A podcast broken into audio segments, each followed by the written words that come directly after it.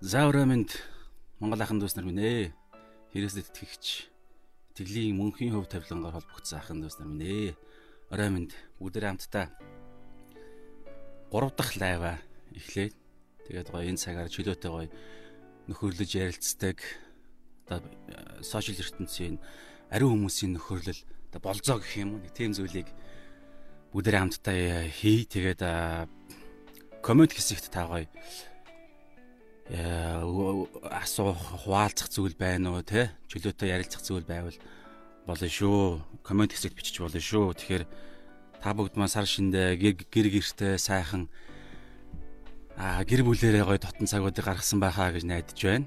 За тэгээд бүгдээ хамтдаа та бүгдийг комент хэсэгт асуух лавлах эсвэл хуваалцах хүсэж байгаа итгэлийн амьдралын талаар гоё ойлгосон зүйл байна уу Тэ эсвэл альва ишлийн талаар гой хамтдаа ярилцж болж юм. Ерөөсөж чөлөөтэй гой нэг юм цагийг 7 хоног болгоны мегмар гарагт а хуваараа хийхэр болж байгаа. Тэгээд тгээ явж байна. Тэгэхээр та бүдний гой комент хэсэгт юм хүм бичтэл а бас а бодож байгаа зүйл хуваалцах хүссэн ганц нэг зүйл байгаа. Тэгээд тэрийг бас завсар зайгаар нь би хуваалцаад явжээ. За тэгэхээр сая нөгөө нэг сүүлийн үед би өчигдөр аа нэг юу хуваал шеэрлсэн те нөгөө нэг юуны бүжигчин төөгөгийн талаар төөгөгийн тавьсныг гой гайхалтай үнний талаарх нэг бичлэгийг би шеэрлсэн байгаа. Тэгэхээр тэр зүйл дээрээс бас нэг ганц нэг зүйлийг аа та бүгдийгээ комент хэсэгт хуваалцахыг хүсэж байгаа тий асуухыг хүссэн эсвэл ямар ч зүг юу ч байж болно. Тэгэхээр яг энэ хэсэгт ерөөсөө та бид хоёрын та бидний нөхөрлөлийн гой цаг байгаа шүү. Тэгэхээр цаг завтай чөлөөтэй боломжтой хүмүүс байвал ороод ирээрээ. Тэгээд гоё хоёр л зарчим байгаа шүү дээ. Яг үннээрээ тэгээд соёлтой соёлтойгоор бие биентэйгээ гоё нөхөрсөн цаг 7 хоног болгоны мэгмэр харигт хамтдаа хийж яа гэж шийдсэн байгаа. За тэгэхээр төөгөө маань бүжигчин төөгөө маань те та бүгд мэдэн штэ.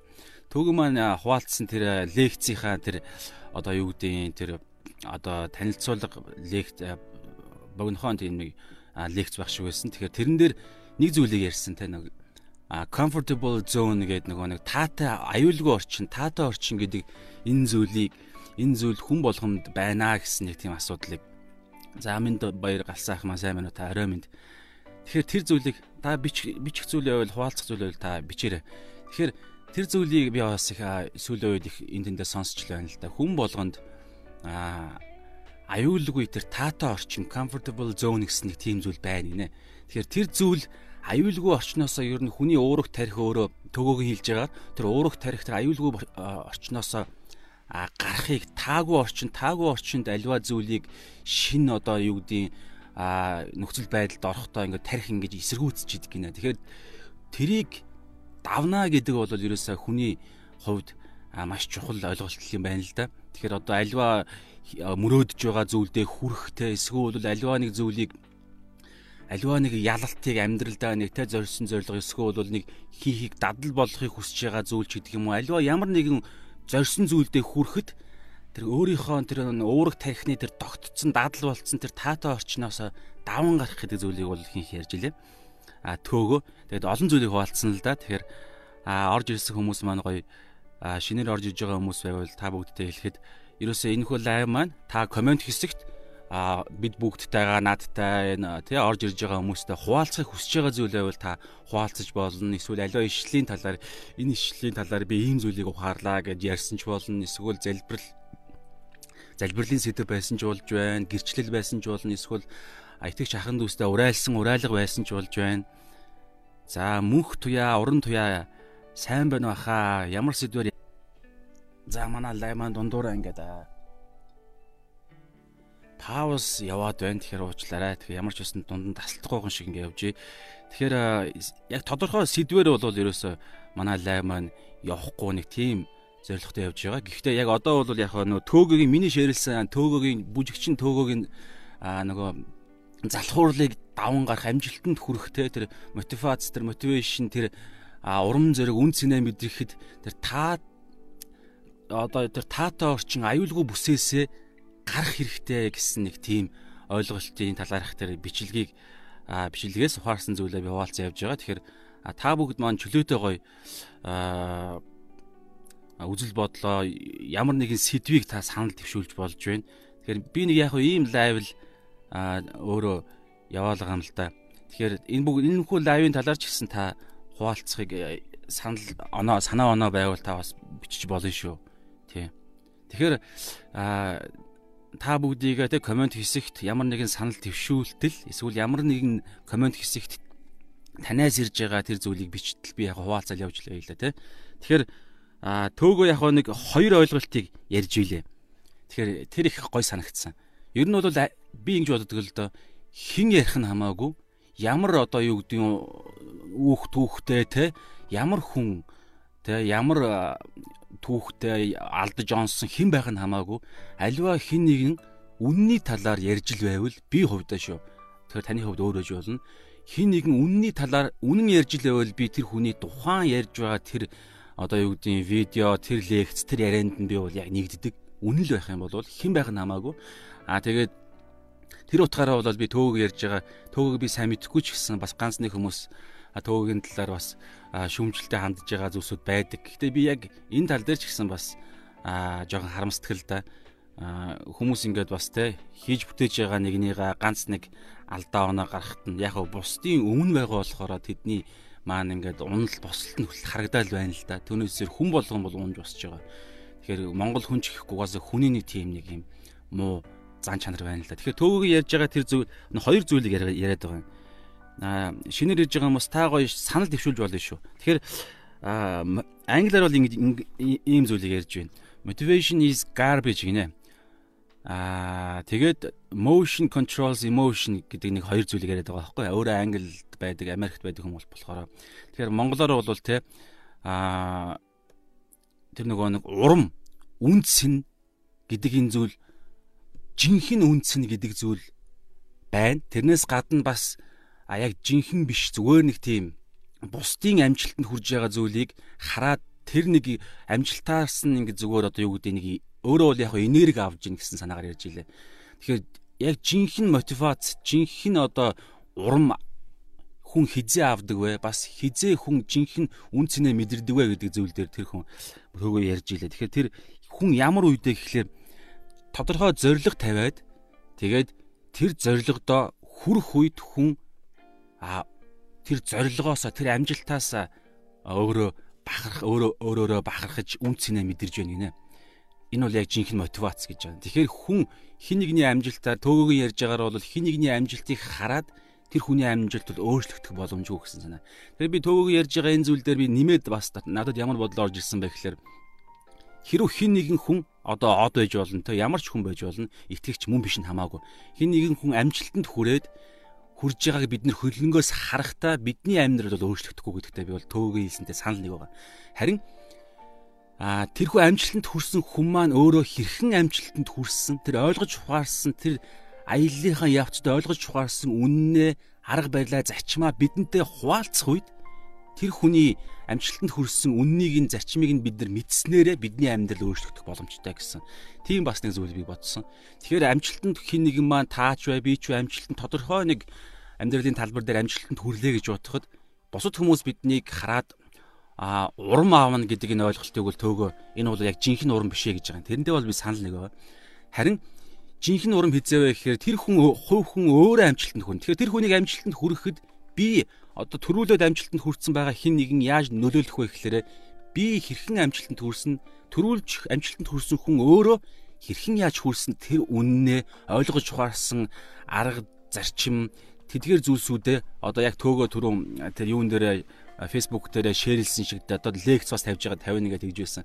Тэр гих мэдчлэн ингэж хуваалцж байгаа нь бусдыг өөрчлөхөд нөлөөлж байгаа гэсэн. Тэр өөрийнхөө амжилтаараа. Тэгэхээр ийм нэг зүйл. А хоёр дахь нь болохоор motion controls emotion гинэ.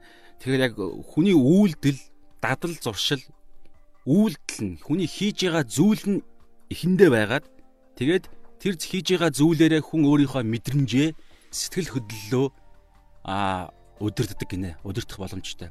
Тэгэхээр төвөгийн хэлж байгаа энэ зүйл Библийн дагууч гэсэн бас мөн л дөө. Өөрөө ч гэсэн хэлж байгаа. Тэгэхээр Библиэлд болохоор нэг ийм үг байгаа шүү дээ. Лук 6-гийн 31-ээс 31 болон Матай 7-гийн 12 дээр бусдыг та аа өөртөө хэрхэн хандаасаа гэж хүссэн та тэр хүнд бас эхлээд тэгж хандаараа гэсэн санаа. Тэгэхээр бусад хүмүүс надтай яаж хандж байгаа тэр одоо тэдний моушн гэсэн үг шүү дээ. Тэдний үйлдэл миний мэдрэмжийг сэтгэл хөдлөлийг амьдралын тэр мэдрэмжийг дотоод сэтгэлд нөлөөлж байгаа гэдэг энэ болохоор ерөнхийдөө бол аа эсрэгээрээ байгаа юм байна лээ. Гэтэл энийг Библийн дагуу ч гэсэн байгаа юм бас төөгөө хэлж байгаа ч гэсэн энийг бид нэр сэтгэл хөдлөл мэдрэмжээ бид нар өөрчлөх боломжтой гэж байгаа. Тэр нь яаж вэ гэхээр бид нар өөрсдөө тэдгэр хүмүүсд хандах хандлах тэр үйлдэл мөшнөрөө эргээд биднэрт надад ирэх тэр сэтгэл хөдлөл мэдрэмжээ удирдах боломжтой гэсэн санаа. Тэгэхээр гих мэдчин зүйлсүүдийг төөгөө хуваалцаа явж исэн. За орж исэн байгаа хамт байгаа хүмүүс маань та бүгд маань гоё. Яг оо яг тогтмол минь хоёр галсан ах маань бас урд нь байсан те. Тэгэхээр танд гоё санаа оноо юу вэ? Тэгэхээр чөлөөтэй гоё ярилцдаг л лайв байхыг би хүсээд байгаа юм. Тэгэхээр энэ ихэр боломжтой эсхийг ч би бас сайн мэдэхгүй л байна л да. Ямар ч байсан ингээд оролдоод үзээд явж байна тэгэхээр ямар ч байсан хоёр дахь өдөр болгоны энэ цагт бол би ямар нэгэн байдлаар бол энэ хөө лайвыг хийн гэхдээ хэлбэр нь ямар байхыг бол бас та бүгдээсээ ч гэсэн санаа оноо авч болж байна. Би бол яг одоогийн байдлаар яг ямар арга барилыг хүсээд хийгээ явж байгаа гэхээр би энэ лайвыг эхлүүлээд ингээ хост болоотой ингээд эхлүүлээд тавина. Тэгэнгүүт л та хин орж ирсэн хэн байх нь хамаагүй. Тэр орж ирсэн хүн маань яг итгэгч Христэд итгэгч л баймаар байна. Итгэгч биш байсан ч гэсэн та орж ирж байгаа бол а үнэн сэтгэлээсээ байгаад хин одоо юу гэдэг Христ сэтгэлийг daaj давшилсан гэхээс илүүгээр яг юу болоод байгаа олж мэдий гэсэн сонирхлоор ч юм уу. Яг үннээсээ байгаад тэгээд бичгтээ гой соёлтой харилцдаг гэсэн нэг хоёр зарчмын дагуу байвал тэгээд комент хэсэгт та юу ч бичиж болж байна. За тэгээд таныг та бүгдийг э, юун дээр комент хэсэгт та зөрөгтэй байгаарай. Одоо яг түрүүний яриад байгаа зүйл бол за мэндүүр ах ах маань хамт бай шүү, сонсч бай шүү гэдээ урам өгж тээ. За баярлалаа ах. Тэгэхээр А яг одоо лайв хэсэгт баг хүн байсан ч гэсэн бас дараа нь те офлайнаар үзэж хүмүүс үзэж болно. Тэгэхээр одоо яриад байгаа энэ зүйл байхгүй. Төөгийн ярьж байгаа зүйлс бас давхар а библийн дагууч гэсэн ойлголт. Юу гэхээр тэр таатай орчноос тэр тогтсон ойлголт, уламжлал гэдэг энэ санаа библиэр байдаг байхгүй. Тэгэхээр энэ уламжлал хүний уламжлал гэдэг энэ зүйлийг ерөнхийдөө ярьж ийн гэж ойлгож байна. Тэгэхээр хүний уламжлал гэдэг энэ зүйл хүний тогтсон одоо энэ стандарт хүний тавьдаг штеп хүн төрлөختний гэсэн үг. Тавьдаг энэ уламжлал яадаг вэ гэхээр Христ итгэл буюу Бурхны стандартад стандартын эсрэгцэж дайсагнан гарч ирдэг гэсэн санаа Библиэлд байдаг байхгүй. Тэгэхээр илчилт номон дээр ч гэсэн байгаа бас шинэ гэрээний номууд дээр ч гэсэн хүний уламжлал бол маш аюултай гэсэн энийг та нараа маш болгоомжтой байх хэрэгтэй, эсэргүүцэх хэрэгтэй гэсэн санаа байдаг. Тэгэхээр цааш нь дэлгэрүүлж энийг бас задлах хэрэгтэй болно гэхдээ мэдээж бүх уламжлал гэж ярихаас илүүгээр тэр уламжлалын нөлөөлж байгаа хүнд нөлөөлж байгаа тэр нэг индивидуал те нэг хүнд хуу хүнд хүний сэтгэлгээнд нөлөөлж байгаа. Тэгээд тэр нэг юм хүмүүсийн сэтгэлгээг хааж хязгаарлаж байгаа тэр далд хүчийг нь яриад байгаа байхгүй. Тэгэхээр илчилт номон дээр хүртэл аа за баярлалаа санал нэгдэж ягаад гоё биш байх. Тэгэхээр илчилт номон дээр нэг бас нэг юм ойлголт байгаа байхгүй. Би нэг юм видео үзчихсэн. Аа та бүгд комент бичлэл би ярьж. Аа юу гэхээр аа илчилт номон дээр нэг юм байгаа. Эцсийн цаг мөчтэй жүтгэрийн тэ жүтгэрийн та нар нэрийг олж мэдэрэй гэсэн нэг тиймэрхүү агуулгатай ишлэл байгаа. Тэгээд мэрэгэн ухаантай энэ нэрийг одоо ойлгож ухаарч тэ тайлж мэдэрэй гэсэн ишлэл байгаа. Тэгээд тэр нэр нь юу вэ гэхээр жүтгэрийн тоо гэж байгаа байхгүй 666 гэсэн тоо. Тэгэхээр энэ 666-тай за одоо хах 666-тай холбоотой а олон янз бүрийн таамаг байдаг, олон судалгаанууд байдаг те. Тэгэхээр нэг тухайн тэр YouTube дээр байсан тэр Христэд итгэгч одоо юдэ судлаач хүн юм байл л да. Тэгэхээр 666 гэсэн тоог судлахад яг юдэ еврей хэлнийх нь тэр нэг үсэг нь үсгч нь өөрөө нэг үг байдаг те та нар еврей хэл мэддэг бол судалдаг хүмүүс бол еврей хэлний хэлний үг болгоны цаана тоо бас байдаг. Яг еврей хэлэнд бол тоо байдаггүй юм байна л да. Одоо яг бидний 1 2 гэдэг одоо universal юм тоо байгаа шүү дээ. Тэгэхээр еврей хэлэнд бол байдаггүй юм байна. Одоо ямар байгааг би сайн мэдэхгүй байна. Библийн дагуу бол яг байдаггүй. Би бичигдэх үед.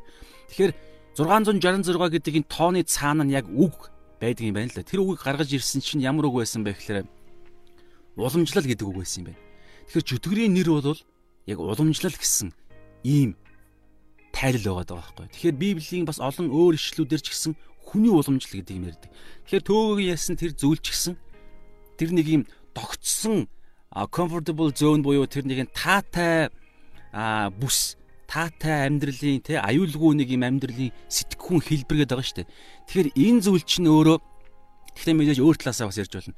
Тэгэхээр энэ зүйл чинь хүний тогтсон уламжлал чинь өөрөө яадаг вэ гэхээр ариун сүнсний нэг юм шин хийх зүйлд эсвэл ариун сүнсний хүний энэ бүр химжигдэхүүнээс хүний ойлголтын тэр цар хүрээнээс давсан зүйлийг бурхан хийх үед тэр аюул таатай орчин тэр comfortable zone дөө бүр дасчихсан тэгээд тэр уламжлалыгаа бүр ингээд шүтэн биширдэг энийга чухалд боддог тэр шашинлаг тэр ойлголт чинь өөрөө бурханы ажлыг хязгаарлаж нэг бол шүүн эсвэл итгэхгүй гэсэн нэг юм санаа. Тэгэхээр эцсийн цаг мөчид одоо эцсийн цаг мөчид сатаны тэр нэг аюултай хамгийн том зэвсэг юу вэ гэхээр хин нэгэн антихрист гарч ирнэ гэхээс илүүгээр энэ дэлхий дээр бий болох тэр хүн төрлөختний нийгмийн бий болгож байгаа тэр нэг юм нөлөө байгаад байгаа юм байна л да. За за одоо бүгдээр хамтдаа те комент хэсэгт а хүмүүсүүдийн бичсэн зүйлсийг уншия те. За минь дээр галсаах маань махан биеийн хүсэл бурхны хүсэл хоёрын ялгааны талаар хамтдаа ярилцъя гэж байна. За тэгье яах гой сэдв байна. За дараа нь та бүгд манд бодож байгаараа би ингээд асуулт тавиад өрхий те. Тэгээд би бас хуваалцсан та бүгдийг бичтэл. За минь хоёр галсан маань эхний цөмөө эхний бидний сэдв юу вэ гэхээр а махан биеийн хүсэл махан биеийн хүсэл штэ. Тэгээд бурхны хүсэл хоёрын ялгаа юу вэ? За тэр талаа та бүгд бодож байгаараа. Тэр хүртэл би дараагийн хүний юг уншия. За Кота Зола гэдэг хүн юу гэж байна? Ямар комент бичсэн бэ гэхээр энэ тоо одоо яг Чех улс гээд гарсан гэж интернетээс харсан гэж байна. А 666-аг а Чех улс гэж гарсан гэж байна. За бас сонирхолтой байна те. Харин тийм ингээд 666-тай холбогдлолтой янз бүрийн одоо юу гэдэг нь судалгааны арга хэлбэрийг ашиглахад янз бүрийн зүйлсүүд гарч ирж байна. Тэгэхээр энийг бол би зөв бүү гэж зөв буруу гэж бол бид нар бол шүүх тийм яг тийм ерөөсө бодит байдал дээр тийм бас боломжгүй л дээ буруу л да юу гэхээр тухайн судалгаа энэ чек гэж гаргасан тэр ямар арга барилыг хэрэгснээс хамаарч бас ийм зүйлс гарч иж болно те. Тэгэхээр тухайн магадгүй чек улстай аим одоо би сайн мэдэхгүй байна л да. Зарим хүмүүс Ромын пап мапыг ч бас гаргаад ч байх шиг те янз бүрийн зүйл байна. Тэгэхээр хамгийн гол зүйл бол ерөөсөө энэ бүх зүйлс ямар багжийг ашиглах нь хамаагүй цаана нь аа бурхны гол дайсан болох те төрийн бурхнаас холдуулах гэж байгаа л аливаа нэгэн зүйл байгаа. Тэгэхээр ерөнхийдөө хүний уламжил гэдэг энэ зүйл бол нэлээн өргөн сар хүрээтэй ойлголт бас яваад байна. За Миндоёр галсаах маань жишээ нь хүний за нөгөө хүний махан биеийн хүсэл болон а бурхны хүсэл хоёрын ялгааны талаар ах маань үзэл бодлоо илэрхийлж байгаа шиг байна. За жишээ нь хүний өөрийн махан биеийн хүсэл нь зөвхөн өөрийн ая тухайг эрхэмлэж хуучнаасаа салж чадахгүй байгаа байдлаа ялж бурхны хүслийн дагуу байхыг эрхэмлэх нь чухал гэж боддгоо. За би дахиад уншия. Жишээ нь хүний өөрийн махан биеийн хүсэл нь зөвхөн өөрийн ая туххыг эрхэмлэж хуушнаасаа салж чадахгүй байгаа нь байдлаа ялж бурхны хүслийн дагуу байхыг эрхэмлэх нь чухал гэж боддгоо. За тэгэхээр ерөнхийдөө бол ахын хэлж байгаа санаа бол махан биеийн хүсэл гэдэг бол ерөөсөө л а хүн өөрийнхөө ая дух нөгөө нэг л төрөний төөгийн тавьсандаа шеэрлсэн зүйл дээр бас байгаа тий. Тэр ая духтай таатай надад л зүг гэж харагдаж байгаа. Надад л гой зүйлийг мэдрүүлж байгаа л бол тэр нэг мэдрэмжэн дээр яриад дээ. Тэр яг миний энэ оюун ухаанд л таалагдж нийцчл байвал аюулгүй байх юм бол тэр зүйлийг би яг тэр зүйлийг хүслээ болгоод тэр зүйлийг амьдралынхаа тий хөвшлээ болгоод явах нь дээ. Тэгэхээр энийг бол ах маань бас хүний махан биеийн хүсэл гэдэг те бас ингэж агаар нэг аваачиж байна.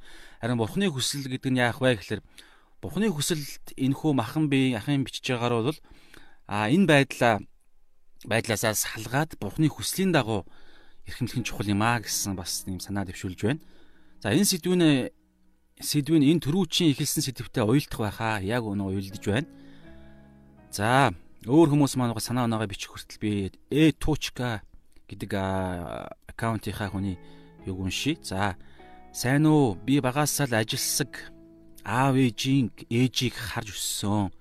Тиймдээч ямар ч ажлыг хийсэн цэвэр Нимбай хурдан шуурхай үнэн ч шударгаар хийж хийж өгөх гэж хичээдэг. Гэхдээ асуудал юунд вэ гэхээр миний эсрэг гэх юм уу тийм хүмүүс байх юм аа. Тэ ингээ хийх гэж хичээх болгонд хийж байгаа ажилдаа хайнга бохир заваан тэгээд бас дэндүү удаан ажилдаг хүмүүстэй хамт ажиллахаар уур хүрх юм аа гэж байна.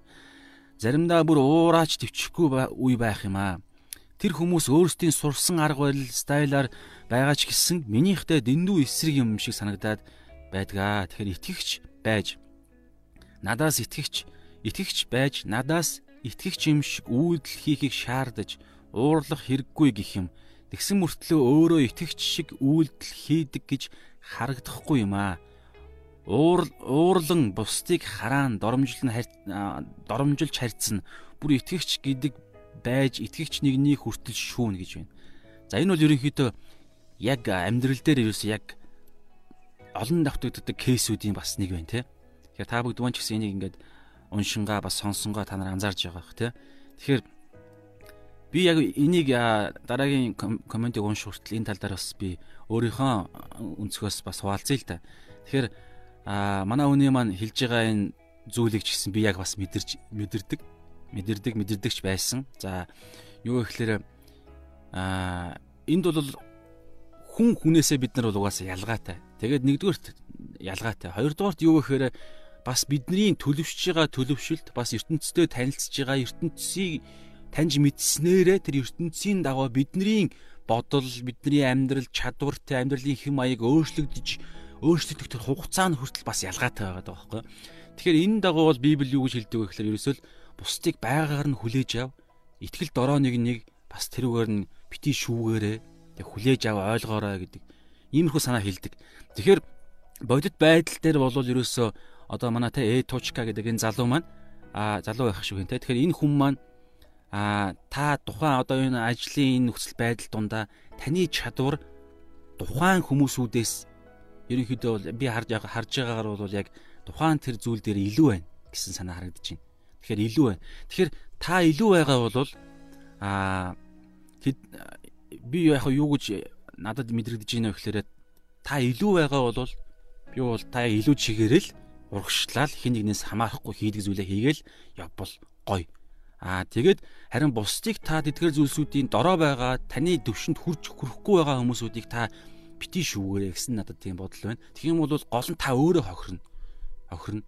Яаж шүүснээр та өөрөө шүүгдэнэ гэдэгчлэн Тэгэх юм бол тэд нар бас ингээд тэр сөрөг энерги чинь та танаас мэдэрлээ гэж бодоход эргээд хүн ч өөрөө угаасаа тийм ууха эргээд дахиад тань руу ямар нэгэн байдлаар таны сул талыг чинь хайж хайж ягаад олон гутлал тань руу дайрна.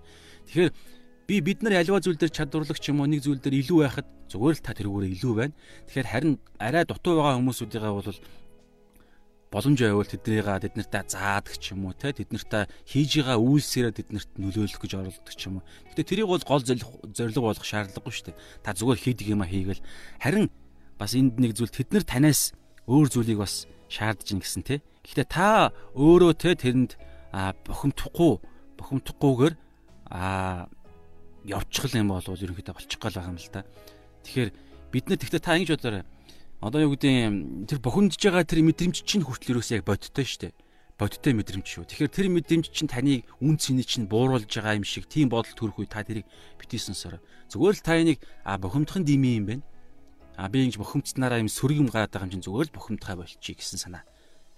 Түүнээсээр те би ууртай учраас энэ хүний доор орчлоо ч гэдэм юм ингээд нэг тийм а үн цэнэ та битгий бууруулаарай. Тэгэхээр бид нар альва зүйл дээр зарим зүйл дээр бид нар гоё бусдаасаа илүү байхад зарим зүйлээр бид нар яалтчгүй бус бус хүмүүсээс доор зүйлсүүд байгаа шүү. Тэрийг бас бид нар бас ойлгоход явуул те. Тэр би зөв ойлгосон уу юу? Надад ийм бодол төрлөө. За минь хоёр галсаахынхаа нөгөө нэг махан би махбодийн хүсэл болон бурхны хүслийн талаарх үзэл бодлоо илэрхийлэх хүртлээр би бас нэг юм гяс уншаадах юм. За Котозол ах маань ард үлдэг ард үлдгэсэд гэдэг киног үзэж байсан. Одоо болоод байгаа дахал энэ тэр тэр кинотой төстөө санагдсан. Энэ киног шалам хуудаснаас үзэж байсан гэж байна. Яг үнэ энэ киног болохоор пастор ихэн нэрийг мартчихлаа. Эхнэр нөхөр хоёр дуучин байдсан шүү дээ. Аа уран чимэг гэдэг эхнэр нь нөхөр нь химлээ. Та бүгд мэдж байгаа. Тэгэхээр тэр нөхөр нөхөр нь буюу тэр пастор ах маань энэ киног өөрөө гоё аа эхлээд бас надад санал тавьсан. Тэгээд би яг бас боломжгүй байсан болохоор ах маань өөрөө орчуулад өөрөө гоё дуу оруулаад тэгээд итгэгч ахын дүүс бид бүгдтэй хүргэсэн байгаа. Тэгэхээр бас сонсож байгаа бол ямар нэгэн байдлаар хүрвэл танд баярлал баярлсан шүү ахаа. Үнэхээр олон хүмүүс хэрэг болж байгаа. Тэгэхээр тэр кинон дээр бас эцсийн илчилт номын дагуух эцсийн өдрүүдийн тэдгээр зүйлсүүдийг ингэж илэрхийлсэн кино. Тэгэхээр бол одоо энэ дахал, альва, дайн дажин ирээдүйд гарах янз бүрийн одоо түрүүний яриад байгаа тэр 666 буюу дэлхийн ертөнц улам илүү тэгж одоо юу гэдэг ингэж юм а хүчтэй болно. Энэ дэлхийн нийгмийн тогтолцоо улам илүү хүчтэй нэг талаараа нөгөө талаараа маш тийм амьдрахад таатай гэж би хараад байгаа юм. Тэр нь илүү нөгөө талаараа бас аюултай байх боломжтой. А эсэргээрж байж болно. Тэгэхээр тэр зүйлсүүдийн эцсийн өдрүүдэд гарч ирнэ. Тэгэхээр тэдгээр тэмдгүүдийг хараад итгэгч бид нар дотроо бас улам илүү сэрэмжтэй байж нөгөө нэг 10 баха те 10 нөгөө нэг сүд бүсгүй сүд залууга хүлээж байгаа досоо ингэж бэлдчихсэн нөөс досоо авчираад бэлдчихсэн тэр 10 сүд бүсгүй шиг ингэж эцсийн өдрүүдийн эзний эзнийхээ хоёр дахь ирэлт хүртэл бид ингэж бэлэн байх, унтахгүй сэрэг байх тал дээр бид нар эдгээр тэмдэг, дахал, элдв янзын өвчин, зовлон, дайн дайжин гарлаа гэж бодоход улам илүү сэрэг байх тал дээр бид нар бодвол те. За а яг үн хатнаа бастар. Тийш те хатнаа бастар юм маань зохиосон. За баярлалаа цэгээ. Хатнаа бастрын маань орчуулсан кино байгаа. За. За тэгээ шинээр орж ирсэн хүмүүс маань аа бид нар маань одоогийн байдлаар ерөнхийдөө мах бодийн хүсэл бурхны хүсэл хоёрын ялгааны талаар аа минь хоёр галсан ах маань санаа тавьсан санал дэвшүүлсэн байгаа шүү. Тэгэхээр та бүгд маань болж өгвөл товчхон байдлаар тодорхой байдлаар комментойгоо бичээд үзэл бодлоо хуваалцвал би уншиж өгөнгөө хамтдаа гоё ингэж сошиал ертөнцийн ертөнцид би биентэйгээ гоё нөхөрлөё. За би та бүгдийн маань нэг санал мах бодийн хүсэл Бурхны хүсэл хоёрын ялгааны тал дээр юу бичтэл би бас хуваалцж байна. За Батмөх дугтан надмид маань сайн байна уу гэж. Сайн байна уу? За миний хувьд махбодийн хүсэл Бурхны хүсэл хоёрын ялгаа гэдэг дээр бол мэдээж олон талаас олон өнцгөр олон олон санаанууд гарч ирнэ. За яг одоо эхний яг одоогийн байдлаар бодогдож байгаа зүйл гэвэл хамгийн түрүүнд ерөөсөө энэ үгэнд нь тодорхойлолт нь байгаа тийм махбодийн хүсэл болон Бурхны хүсэл. Тэгэхээр яг subject те тэр нөгөө нэг яг эзэн бие нь хинбэ гэхээр бурхан. Нөгөөт нь махбод байгааз тэгэхээр бурхан гэдэг чи юу вэ гэхээр библиэлд бурхан бол ерөөсөө сүнс гэж байгаа. Сүнс. Яг бидэнтэй адилхан мах бодгүй а бурхан өөрөө бол яг сүнс. А бид нар болохоор махгүй за дунд нь ерөөхдөө дунд нь ингэж тасалдаад пауз хийгээд резюм хийх шаардлагатай болоод байна. Тэгэхээр юу гэхээр мах бодийн хүсэл гэхээр яг энэ мах бод гэсэн энэ хайрцагын дотроо хязгаарлагдсан хүсэл гэж би бол эхний байдлаар ямар ч тодорхойлолт гарч ирж байна. Мах бод ямар ямар одоо юу гэдгийг а төлөв байдлуудтай гэхээр ерөөсөө л нөгөө нэг 5 мэдрэхүү байгаа тий. Тэгэхээр энэ 5 мэдрэхүү дээр тэгээд мах бодтой чинь сэтгэл гэж байгаа. Тэгэхээр энэ 5 модер 5 мэдрэхүй мах бодийн 5 мэдрэхүй тэгээд энэ ертөнцийн за хоёр хэмжигдэхүүн гэж байгаа шүү дээ тий. Цаг цаг хугацааны хэмжигдэхүүн аа байрш орон зай хэмжигдэхүүн гэсэн. Нөгөө уртраг өндөр өргөрөг те. Тэгээд цаг хугацааны өнгөрсөн одоо ирээдүг гэсэн. Энэ хэмжигдэхүүн доторх энэ таван мэдэрхүйгээрээ бид нар энэ хязгаар дотор ерөөсөө мэдэрдэж байгаа тэр тэр мэдрэмж туршилгаас тэр ойлголтоос гарсан тэр хүслүүд. Тэгэхээр ч юм бол ерөөсөө юу байж болох вэ те? Тэгэхээр энэ хүслүүд чинь бүгд би буруу гэж ерөөсөө хэлэхгүй шүү. Ягаад тэгэхээр энэ энэ хязгаарыг чинь бурхан өөрөө анх бүтээж өгсөн нэгдүгээрт Хоёрдугаар тэр хүслүүд чинь өөрөө нэгдүгээрт бидний биднэрт бэлэг болгож өгсөн бүтээлийн маань хамгийн чухал зүйлсүүд гол цөм. Хоёрдугаарт бурхан бурхны хүслийн тусгал гэж би Библиэр ч байгаа бид нар бас тэгж харах хэрэгтэй тий. Тэр утгаараа махбодийн хүсэл бүгд бузар муу бол биш. Аа гэхдээ ялгаа нь бол ийм хязгаарлагдсан бол гэсэн үг. Тэгэхээр бурхны хүсэл болохоор энэ дотроо давхар ажиллахын зэрэгцээ үүнээс бүр бүр давсан тийм хэмжигдэхүүн тэр одоо юу гэдгийг тэр хил хязгаар дотор тэр хэмжигдэхүүн тэр том ертөнц дотор бий болдог. Бурхан харалдаа ингэж байгаа шүү дээ. Яг нэг цагт харахтаа өнгөрсөн одоо ирээдүг юус яг ингээд яг өмнөө нэг хэмжигдэхүүнээр хардаг гэж байгаа байхгүй. Түүний хувьд ч гэсэн өнгөрсөн одоо ирээдүг яг нэг объект байдаг гэсэн санаа. Тэгэхээр бурхан бол тийм бидний оюун ухаанд ойлгохын аргагүй тийм одоо эзэн биеийн хүсэл гэхэр чинь өөрөө юу байх вэ? Асар их байгаа шүү. Тэгэхээр тэр хүсэл бидэнд итгэх үед ариун сүнсээр дамжуулан бидний дотор орж ирсэн гэсэн тийм төлөв байдал байгаа боловч яг гэхээр бидний Библиэр хэр судалж байгаа байгаа вэ? Хэр эзнийгаа сонсгож хичээж байгаа вэ? Хэр нөгөө түрүүний яасан махбодийн хүслээ ялгаж мэдээд энэ хүсэл энэ хүслээ эзний хүсэлтэд хэр нэгдэх гэж оролдож байгаа энэ хүү амьдралын одоо энэ амьдралын итгэлийн амьдралын энэ хүү үйлдэлийн зориултуудаас шалтгаалж өнөөдөр бид нар тэ бидний олон зүйл хамаарж байгаа гэсэн санаа одоогийн байдлаар бодогдож байна. За өөр бас тэ махбодийн хүсэл бурхны хүслийн талаарх та бүгд бодогдож байгаа зүйл юу вэ? Та бүгдийг бичтэл би бас а бич комент бичсэн хүмүүсүүдээс хуваалцж байна. За Минь дуурь галсаах маань яг үнэн. За санал нэгдэж байна. За дээр нэмээд шүүлт шүмжлэлийн тухайд.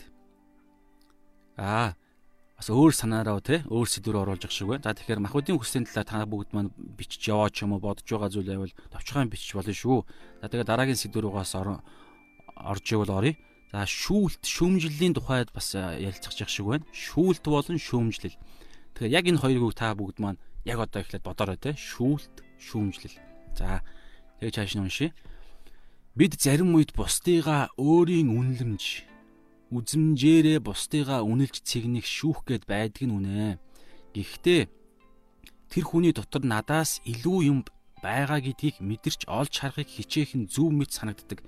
Надад байхгүй илүү сайн юм тэр хүнд ч бас байгаа шүү дээ гэсэн санаа хэлж байна. Яг үнэ яг үнэ. За энэ дээр гоё зүрх тавина. За яг үнэ. Энэ бол яг нөгөө нэг амьдралын алтан үннүүд тоххой үннүүдээ нэг. Тэгэхээр шүүлт шүүмжил гэдэг энэ хоёр санаа гаргаж иж байна. Тэгэхээр яг нэг одоо үндэстэй нэг үг юм шиг боловч бас ялгаатай гэсэн санаа гаргаж ирж байна. За яг үгзүүн хувьд яаж янз бүрийн тайлбар хэлэх боловч ерөнхий хэлэх гээд байгаа бидний яг ингэж одоо нэгдээд байгаа санаа бол буруу. За ерөөсөө яг ойлгомжтойгоор ингэж хэлж ил та шүүлэхэд ганц үгийг тавиал ганц одоо юу гэдгийг нэг ойлголт нэг үйлдэлийг ч юм уу тавиал тэгэхээр шүүлт нь буруу шүүлт зөв шүүлтгээ зүгээр энгийн байдлаар зөвмөр ярил л да. Тэгэхээр буруу шүүлт зөв шүүлт гэж байна гэсэн. Тэгэхээр альва зүйл ерөнхийдөө дандаа нэг ийм ойлголт байгаа шүү бид нар голцоо дор хаяж хоёр тал байдаг юм шиг байдаг гэж би яг итгэдэг. Түрүүний махбодын хүслэхэд махбодын зөв хүсэл байна, махбодын буруу хүсэл байна. За махбодын буруу хүсэл хизэнээс бий болсон ингээл бид нар бас түүхээ ярьж болно те. Тэгэхээр үүнтэй адилхан шүүлт нь буруу шүүлт байна, зөв шүүлт байна. За би та бүгдээс асууя те. Бага хүмүүс маань за зөв шүүлт гэж юу вэ гэдэг дээр л цөмөр ямар ч сан ярилцаад. Тэгээ бас таны хувьд бас өөр буруу шүүлт нь юу вэ? Товчхон та ингээд базаад тодорхойлтоор ч юм ингэж бич. Бодоо таныг бичтэй оролцож байгаа хамт байгаа хүмүүс маань. За ах маань ингэж л байна л да. Саний бичсэн зүйлсийг дахиад уншия хүмүүсийг комент бичтэл. Тэгэхээр одоогийн сэдв бол шинээр орж ирж байгаа ч юм уу марцсан хүмүүс байвал цөмөр одоо юу шилжиж байна л да. Шүүлт, шүүмжлэлийн талаар. Буруу зөв шүүлт гэх юм уу. За бид бусдыгаа өөрийн үнэлэмж үзмжээрээ бусдыгаа үнэлт цэгнэж шүүдэгэ гэсэн санааг гаргаж ирж байна те. Тэгэхээр энэ өрөөсөө яг түрүүний яриад байгаа мах махуудын хүсэл гэдгийг гэдгээр гаргаж ирсэн хүний их л хязгаар байгаа байхгүй юу? Хүн ерөөсөө л яг ийм гэсэн үг. Хүн бурхны одоо юу гэдэг чадварыг хизээч гүйцэхгүй. Тэгэхээр Библиэлд байгаа санаа бол юу гэхээр яг шүүгч шүүгч нь хинбэ гэхээр юу гэсэн яг Есүс цор ганц бурхан буюу Есүс өөрөө яг эцсийн тэр шүүлтийн өдөр тэр дааман хаалганы өмнө Есүс өөрөө шүүн гэсэн санаа. Тэгэхээр Бурхны шүүлтүүрээр бид нар бусдыг шүүж чадахгүй л бол угаасаа гэхдээ яг энийг хэлэхэд чадахгүй гэдэг тийм зүйлийг Библич хэлдэг. Энэ угаасаа боломжгүй. Тийм учраас шууд дүгнэлтэнд хэлэхэд бид нар бие биенээ шүүж болохгүй, яллаж буруутгах болохгүй гэсэн. Харин шүүмжил буюу тэр зөв шүүлт ялчгүй бид нарт тийм мэдрэмж төрөөд байгаа шүү дээ. Тэр мэдрэмж хаанаас гараад байгаа юм? Би Библийн саяны санааг мэддэг. Тэгээ би бурхан цоргаан шүүгч гэдгийг ч гэсэн мэддэг мөртлөө надад бусдын алдаа, бусдын унж байгаа зүйл эсвэл бусад хүмүүс хин нэгэн өөр хин нэгнийг унгааж бүдрүүлж хохироож байгааг бид нар харагдаад бид нар тэрийг мэдрээд ялгааг нь мэдрээд байгаа. Тэгэхээр тэр мэдрэмж чи юу юм бэ гэсэн санаа шүү дээ. Тэгэхээр тэр мэдрэмж чинь яг одоо бидний ялгах салгах ухаан. Тэгээ үннийг мэдсэн учраас тэр үннийхээ дагуу бид нар бусдыг дүгнж хараад байгаа байхгүй. Тэгэхээр тэрийг бид нар харахтаа би яг одоо юу гэдэг нь жоохон сүнслэгжүүлэл би бодох туртай л. Тэгэхээр тэр дунд яадаг вэ гэхээр сатан дунд нь тоглолт хийдэг л гэж би яг бодод хардаг. Тэр сатаны тоглолт байхгүйгээр бид нар яг цэврээрээ тийг ашиглах юм бол яах вэ гэхээр бид нар тэдгэр хүмүүсүүдийн маань хийсэн алдааг олж харлаа. Бид нар яах вэ гэхээр тэр алдааг бид нар араас нь бие хөлөвдөө яг давтахгүй гэсэн давтахгүй тул бурхын шүүх мэдрэмжийг өгдөг. Шүүх гэхээс илүүгээр бусдын алдааг, бусдын дутуу талыг харуулж байгаа нарийн сүнсний мэдрэмж нь би өөрөө тэр хүний алдсан алдааг би эхлээд өөрөө алдахгүй тул. Тэр хүн миний өмнө явж байгаад нүхэн дуунахад би чи ямар сохор юм бэ те? Чи яагаад сохор? Над хоёр нүдэ ашиглаж чаддгүй юм уу шилчингүүтлээ нөгөө нөгөө хүн чи ингээд нүхнээсээ гараад ишээ явж исэн чинь те. Би өөрөө алхаж байгаа чигээрээ нөгөө хүн рүү чи ямар сохор юм бэ? Чи ингээд нүхэн дуунчлаа штэ гэж явбал ингээ харсан чинь яг өмнө нүх байгаад би унж байгаа гэсний тийм дүр зургал байгаа. Тэгэхээр яг энэ зүйлийг бурхан ийм утгагүй, ийм сул дорой те ийм сохор байлгахгүй тулд биднэрт тэр мэдрэмжийг өгж байгаа. Өмнө өмнө ч юм уу те а тэр алдж байгаа унж байгаа хүнийг бид нар хараад байгаа тэр ихгүй. Би унахгүй тулд гэсэн санаа. Одоо яг а цонх шиг биш толь шиг гэсэн үг. Толь болгож бид нар тэр шүүлтийн мэдрэмжийг харах хэрэгтэй.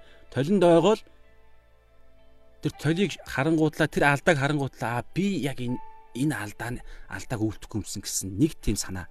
За хоёрдугаарт яг гэхээр бид нар тэр хүнийхээ төлөө залбирах залбираасаа гэсэн тийм зорилгоор бурхан биднэрт тэдгэр хүмүүсүүдийн сул дорой байдлыг биднэрт залбирах бас бид хэрэг хэрэг дагалдуулж явах юм бол бас нэг чуулган байх юм бол эсвэл нөхөрлөх боломж байх юм бол хамтдаа ингэж за унсан ч гэсэн те а бид нар чамд ийм үнц нь байгаа шүү те эсвэл унсан ч гэсэн эн чинь уналтаасаа чи суралцж болж байна те. Эсвэл би хүртэл чиний уналтаа сурлаач гэдэг юм уу те. Тэгээд ингээд хамтдаа эсвэл бол дараа нь дахиж унахгүй байхад чинь ингэж зөвлөё ахнаас ингэж урд нь ингэж унсан юм аа ч гэдэг юм эсвэл бүр унахаас өмнө ч юм уу.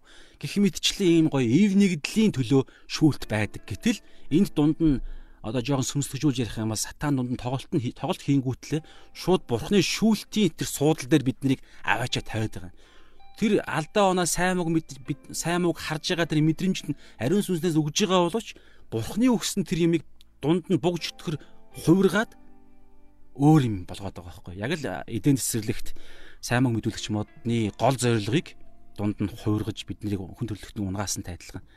За ингээд цаашаа би аа хаан унш дуслаа. За Батмөнх дугтан надмад маань бурхан зөвхөн шүүн бидтэй гэж байна. Яг үнэ. Яг энэ л дээ. Гайхалтай. Яг мэдж байна. Яг нэгдэж байна те. Тэгэхээр зөвхөн бурхан шүүн ерөөсөө. Тэр шүүлт гэдэг чинь өөрөө ерөөсөө яг та нар бид нар юугаар л бид нар төсөөлөх хэрэгтэй шүү дээ. Яг шүүх хуралд, шүүхийн танхимд яг тэр хүний хувь тавилангийн шийдэх буруу зүйл хийлээ. Буруутан гэдгийг алхахын алхаа зөглөө тэр хүний шууд шоронд дийлгэх эсвэл цаазан давчин давцсан даваачих эсвэл шууд эрх чөлөөтэйгээд чөлөөлөд гаргах бүр дээр нь нэмээ те алданг малдан төлбөр тооцоо өгөөд явуулах ч гэдэг юм. Энэ хүний хувь тавиланг буюу одоо бидний яриад байгаа бол мөнхийн хувь тавилан. Хаашаа явах уу, яах уу, ийх үү гэдэг санаа. Тэгэхээр энэ шүүгчвэл цорган шүүгчвэл ерөөсөө л бурхан. Тэгэхээр та хэн нэгнийг шүүж ялалж байгаа бол та яг бурханы оронд байгаа сатантай нэгдээд өөрийн мэдлгүй шүү бид мэдээж санаатай биш. Сатантай нэгдээд энэ дэлхий дээр бурхан болж сууж байгаа сатантай бид нар нэгдэнгүүтлээ бурхны цор ганц хууль ёсны дагуу шүүлтийн ор шүүгчийн суудал дээр өнөөдөр гинтээ бид нар гараад сууж байгаа. Тим үйлдийг бид нар өөрийн мэдлгүй хийгээд байгаа байхгүй. Тэгэхээр бид нар тэр хүнийг яллаад буруутай гэж хараад буруутай яг энэ зүйл дээр энэ хүн ийм хийсэн тэгэхээр энэ хүн ийм хүн гэдэг дүгнэлт гаргаад тэр хүнийг шууд ингээл доош нь дараал яллал тэр хүнийг унгааж л байгаа л бид нар ерөөс яг тэр шүүхч болцсон байна гэсэн. Тэгэхээр энэ мэдрэмж ийм зорилгоор өгдөөг гэдгийг түрүү ярьсан те. Өөрөө та өөрийгөө харах тэгээд тэр хүнийхээ төлөө залбирах тэр хүндээ зөвлөх хайрын дотор зөвлөх гэсэн санаа тийм л зорилгоор боловч энд нь ийм дунд нь юм хийгээд байна. За минь хоёр галсан ах маань яг үнэн нэг зоосны хоёр тал гэж байна. Яг үнэ яг үнэ. Нэг зоосны хоёр тал те. Аа шүүлт. За За тэгээ чааш нь бүгдээ уншия. Ганц шүүгч бол бурхан энэ дэр бүгд санал нэгдэж байна. Халелуя. Бүгд нэг ариун сүнстэй хүмүүс гэдэг энэ бас баримт энд харагдаж байгаа шүү. Бид нар ингээд жижигхэн жижигхэн харилцааны зүйл дээр хүртэл бид нар яг а сүнслэг ертөнц бас библийн дагуу бид нар ямар гайхалтай зүйл нэгцнийг хараа явж явал гоё те. За Батмөх тухтан найдмад маань өөрийн нүдэнд байгаа дүнзээ харахгүй байж юун та ах дүүгээ шүүн вэ гэдэг энэ библийн ишлэлийг хэлж байна те. Тэгэхээр яг үнэ харал та Библиэл дээр ч өөрөө түрүү яг хэлсэн санаа байгаач те. Өөрийн нүдэнд дүнзээ харахын тулд л ах トゥ угийн нүдэнд байгаа биш өөрийн нүдэнд тэр үрцсээ харахын тулд ах トゥ угийн нүдэнд байгаа дүнз бидэнд харагдаад байгаа байхгүй юу? Яг л энэ санаа. Ах トゥ угийн маань нүдэнд байгаа дүнзийг бид нар гэхдээ яг үнийг хэлэх дүнз үртэс гэдэг энэ илэрхийлэл хүртэл цаанаа бас зоригтой гэж би бодол төрж байна. Магадгүй яг хуулийн адилхан хэмжээтэй мод байгаа. Хуулаа нэг бол дүнз, хуулаа нэг бол үртэс. А гэтэл бид нар харахтаа бид нар нөгөө хүнээсээ илүү гэж нөгөө хүнийг бид нар дорд гэж хардаг тэр нэг юм шууд бараг зориг нь шүүж байгаа зориг нь хүртэл анханасаа тодорхой болцсон хараад байгаа байхгүй. Тэр хүний ерөөсөө үртэс байсан ч тэр хүний нүдийг бид нар шууд дүнз гэж харна гэсэн зорилгоор би тэр хүнийхээс угаасаа илүү гэсэн зорилгоор нэгдүгээр хараад хараад байна те. Тэгэхээр бидний сэтэл бас их ямар байхаа гэдгийг шалах хэрэгтэй. Тэгээ гол зорилго нь ерөөсөө би нүдэнд хүртсээ харах зорилготой. Угаасаа тэр л биднэрт хамаатай үсттэй. Өнөөдөр бид нар өнөөдөр эрүүл байна уу? Бид нар эрүүл байна уу? Бид нар өнөөдөр хоолтой байна уу? Би өнөөдөр ямар амьдарч байна? Миний мэдрэмж чинь зөвхөн миний л мэдрэмж шүү дээ. Тэгэхээр яагаад миний мэдрэмж минийх л байгаа юм бэ гэхлээр эн чинь юусэн яг л тийм миний мэдрэмж чинь минийх л байна. Миний харж байгаа үнцэг минийх л байгаа цагт бид нэр яг эргэтэн эргэтэнд бие биедээ эргэтэн болоод хамтдаа явна. Нэгдүгээрт хоёрдугаарт бид нар бие биентэйгээ харьцуулахгүй бие биенийхээ дээр гарах боломжгүй гэдгийг ойлгох нэг тийм хэрэгцээ бас байгаад байна. Бид нар юу өсө дандаа л нэг тийм бид нар ихээс илүү үүний цаана бол мэдээж юу өсө мэхлэлт яваад байгаа. Богч төрийн асуудал, сатааны асуудал явагдаж байгаа шүү. За цааш нь уншия. За Кота Зола гэдэг хүн маань юу гэж байна вэ гэхээр зөв зөв шүүлт тэр хүнээс ирж байгаа сүнслэг байдлыг хардаг. Яг хүнлүү атаархал бардамлын зан гарахад зөвөр өөрийгөө аваад гарахыг боддгоо гэж байна.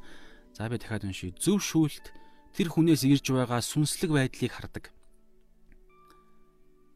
А яг хүнлүү атаархал бардамлын зан гарахад зөвөр өөрийгөө өөрийгөө аваад гарахыг боддог гэж байна. Гайхалтай. Яг өөрийгөө аваад гарахыг боддог гэдэг энэ дээр бол үнэхээр гоё хэрэгжүүлэлт ахын одоо тэ ахвал ах шиг байна. Аа, хөөчлөөрэй. Аа, манай бүсгүй маань байна. За. Тэгэхээр аа зөв шүүлт гэдэг нь ерөөсө гэдэг зүйл бол бид нар сүнслэг энэ өнцгөөс манай кота зуулаа маань харлаг байх нь тэгэнгүүтлээ оо би нэрийг анзаараг юм шиг зоолоо гэж. За тэгэнгүүтлээ аа өөрийгөө аваад гарна гэж шүү. Тэгэхээр энд юусэн яг шүүлтийн гол зорилго л байгаа. Тэгэхээр энийг бол манай зоолоо маань аль хэзээ амьдралдаа хэрэгжүүл явж гин те. Тэгэхээр ер нь бол бид нар их гоё шүү ариун сүнстэйгээ хамт байхад бид нар зарим үннийг зарим зарчмыг а яг ингэж багаж зэвсэг болгон гаргаагүй мөртлөө бид нар өөрийн мэдлгүй амьдралдаа хэрэгжүүлэн явж идэг. Тэгэхээр бид нар нөгөө залбирлын цагууд, библи судлалын цагууд, тэ альва одоо бясалгалын цагууд дээр бид нар өөрийгөө дотор байгаа аль хэдийнэ бидний дотор хийгдсэн зүйлсийг библийн дагуу ингэж гаргаж ир тэрийг багаж болон зэвсэг болгон нэгдүгээрт бид нар дараагийн тохиолдолд хэрэглэх зорилгоор хоёрдугаарт бусад нэгэндээ аа заах гэрчлэх зорилгоор шүү. Яг заах гэхээс илүүгээр гэрчлэх зорилгоор. За минь дуур галсан ах маань яг үнэн алдаж байгаа нэгнээ бас түүнд тэр алдааг нь сануулж хэлэх. Яг үнэн те алдаж байгаа. Энэ дунд энэ дунд харин хараа нэг юм нарийн зүйл их явагддаг. Би бас мэдэрдэг л дээ. Бид нар ингээ бүдэрчих гээд идэг. Тэгэхээр яагаад энэ зүйлийг ярих гэдэг вэ гэхээр ингээд бурхны зааж өгсөн ч юм уу библийн дагуу бурхны чиглүүлж байгаа зам ингээ явж итэл үргэлж мэдрэмж болгонд бодол болгонд санаа шин санаа сэтэл харилцаа хаасайгүй үргэлж бид нар нөгөө нэг сэрэмжтэй байхгүй болвол бидний тэр бодол дотор ерөөсө дандаа юм биднийг мэхлэх тийм аа зүйлсүүд нөгөө сөрөг хүчний зүйлсүүд үргэлж явдаг.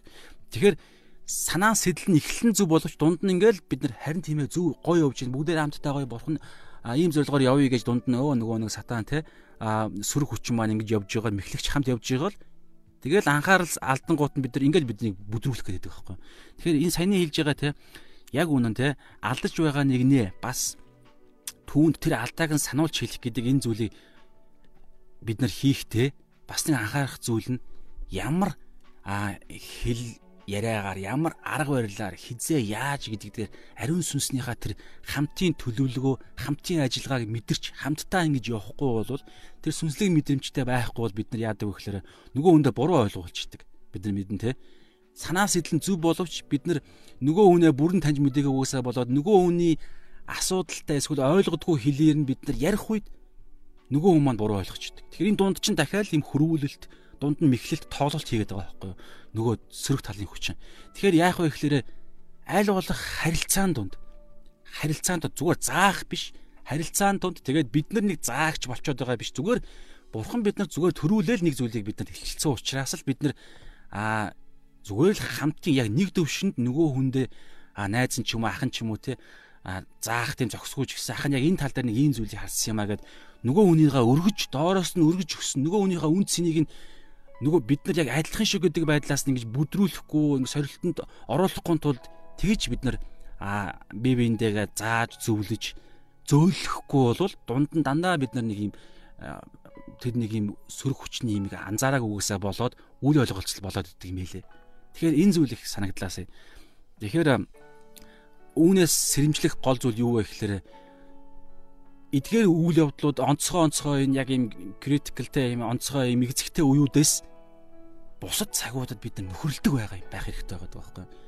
Байнгын нөхөрлөл донд одоо анхны чуулган бол байн хамтдаа амьдарч ирсэн. Гэхдээ тэнд хавчлага байсан. Яалтч хөдөхөөс шаардлагагүй байсан нь өөрөө Библийн дагуу хөтэ төлөвлөгөө.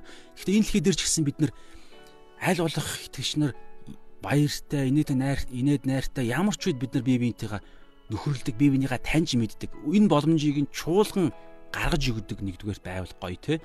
Тэгэхээр бид нар өөрсдөө бас энэ тэг энэ зүйлийг бий болгож нөхөрлөлийг бий болгож бие биентэйгээ нөхөрлөдөг байх хэрэгтэй тийм бие биенийдээ очиж айлчилдаг ч юм уу янз бүрийн тэгээ амьдралд нь асуудал гарахад очиод усталдаг ч юм уу тэгэхээр энэ болгон чинь юуны төлөө вэ гэхээр яг игзэгтэй үед бие биенийгаа үл ойлголцолд гаргахгүй тулд энэ дундын нөхөрлөлүүд чинь яг ингээд хамгийн чухал нөгөө нэг юм дархлаа нөхгүй дархлаа юм билэ Тэгэхээр энэ дархлааг бид нэр өөрийн мэдлгүй ингээл зүгээр нөхрөл дундаа хийгээл үйл ойлголцох боломжгүй болтлоо бид нар нөхөрлж байгаа цагт яг эзэгтэй мөчт магадгүй заавал тийм зөөлөн байх албагүй хатуу хэлсэн ч бид нар бие биенээ ойлгоно. Ягаад гэхээр тэр хүн угаасаа надад хайртай миний төлөө гэсэн сэтгэлийг бид нар мэдсэн учраас. Тэгэхээр хамгийн гол зүйл ерөөсөө нөхөрлөл нөхөрлөл заавал нэг үйлчлэл дээр нэг юм албаны official юм дээр биш зүгээр энгийн цагууд нөхөрлөлүүдийг гаргадаг байх хэрэгтэй. Гэхдээ нөхөрлөх үедээ а бид нар доозоо балансаа маш сайн тааруулжтай нэг юм маар загнах ч юм уу. Заримдаа бид нэр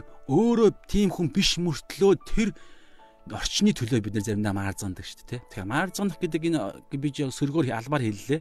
Гэтэ энэ зүйл чинь одоо юу гэдэг хошин шогийн мэдрэмжтэй бид нар инээд одоо тий гоё entertainment инээд хөнгөн байдлын төлөө байна.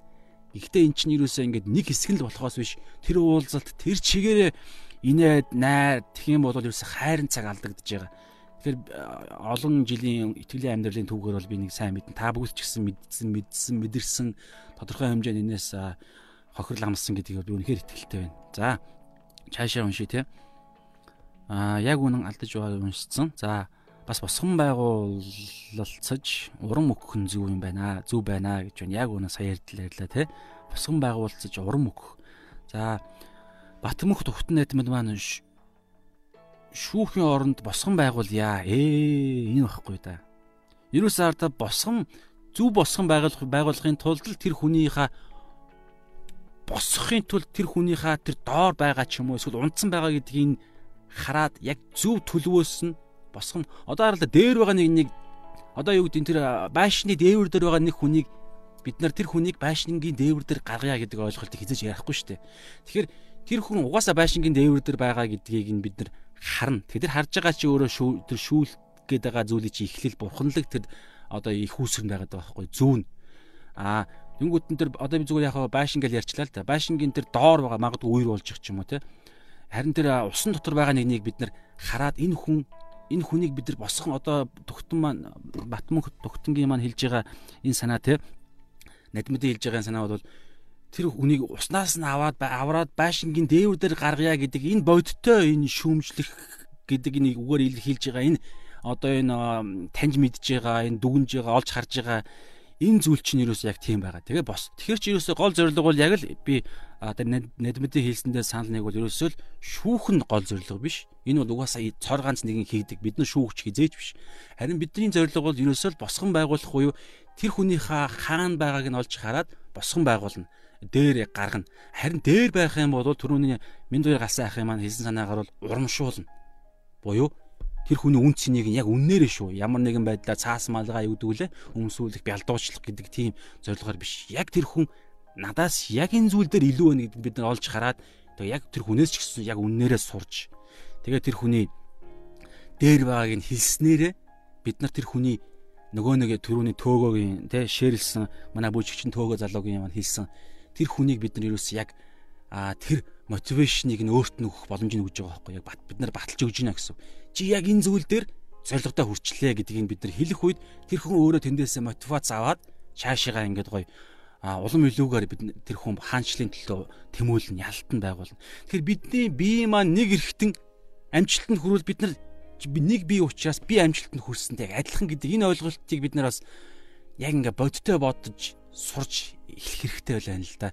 Би ч гэсэн саяхнаас бодож эхэлж байгаа. Яг би бол ганц би ганц би унвал би л унана.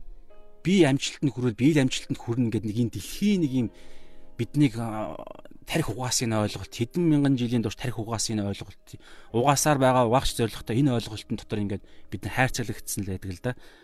Тэгэхээр эннээсээ бид нар гарах хэрэгтэй байна тий. Тэгэхээр бид нар тэр хүнийг биднээс илүү нэгэн байгаа бол яг илүүгээр нь шууд яг энэ үгийнхаа сангай илэрхийллээрээ зүү үгээрээ бид нар тэр хүнийг шууд хэлэх хэрэгтэй. Заавал нэг тий би нэг доошоо орчихгүйгээр тэр хүнийг магтчмаар нь урамшуулчмаар байна гэдэг нэг эн чинь хүртэл цаад би харьцуулаад байгааз. Тэгэхээр энэ дээр хүртэл бид нар бодох хэрэгтэй. Харьцуул биш байхгүй. Угаасаа бид нар за ингэж хэлчихье. Би танаас угаасаа илүүгээ хэлчихье заяа. А үдсэж байгаа та надаас угаасаа илүү.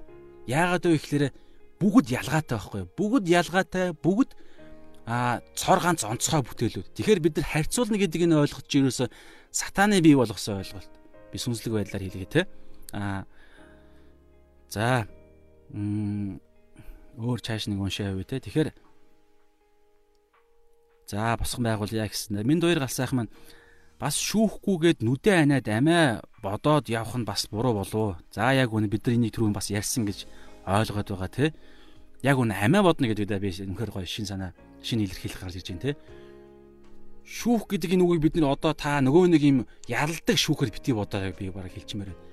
Ялдаг одоо одоо яг энэ бидний энэ харилцааны цагаас энэ ярилцлагын лайвын цагаас яг энэ цагаас эхлээд шүүх гэдэг үг ерөөсөө л бие биенээ барьж байгуулах, бие биенээ а бодит байдлыг нь олж хараад тэгээд а босгон байгуулах, тийм зорилготой алдааг нь олж гарах, сануулгах, бие бинийгаа урамшуулах. Ингээл та бүр. Биднээс урд явж байгаа нэг хүнийга биднээс бүх талаараа илүү байгаа хүнийг бид нар шүүж хараад шүүгээд тэгээд илүү байгаа шүүж харсныхаа үр дүнд илүү талыг нь бид нар олж хараад тэгээд бид нар суралцъя. Тэгвэл ингээд илэрхийлээ да. Энд чинь амар гоё болж ш тэ.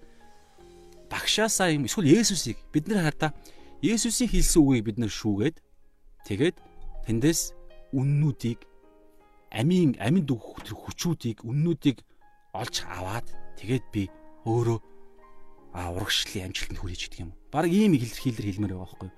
шүүх чинь зөвхөн дээрээс доошооч биш.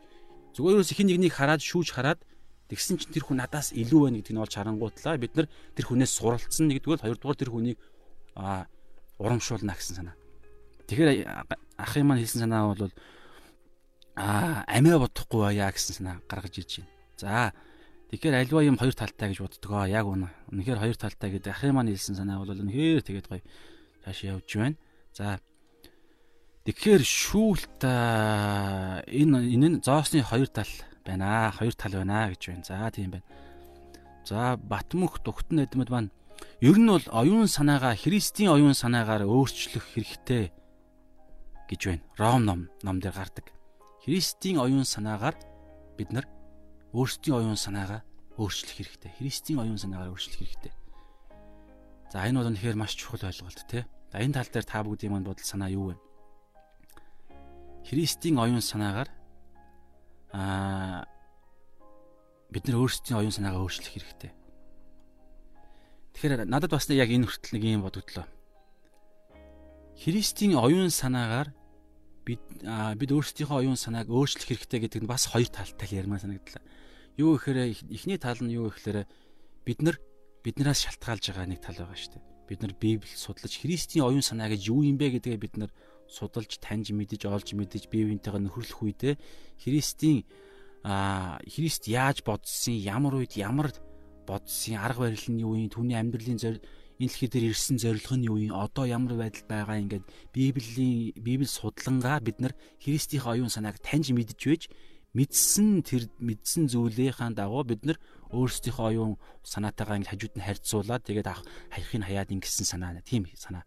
А хоёрдугаар санаа нь юу гэхээр ариун сүнсээр дамжуулаад бидний дотор Есүс өөрөө нутагшиж байгаа, нутгалжиж байгаа. Тэгэхээр одоо саяны энэ процесс үйл явц амьдралын энэ дадал зуршил өдөр тутмын энэ амьдралын хэм маягаар ингэж их процесс явцад бид нар гаднаас авж байгаа гэж би яг харахгүй байгаа.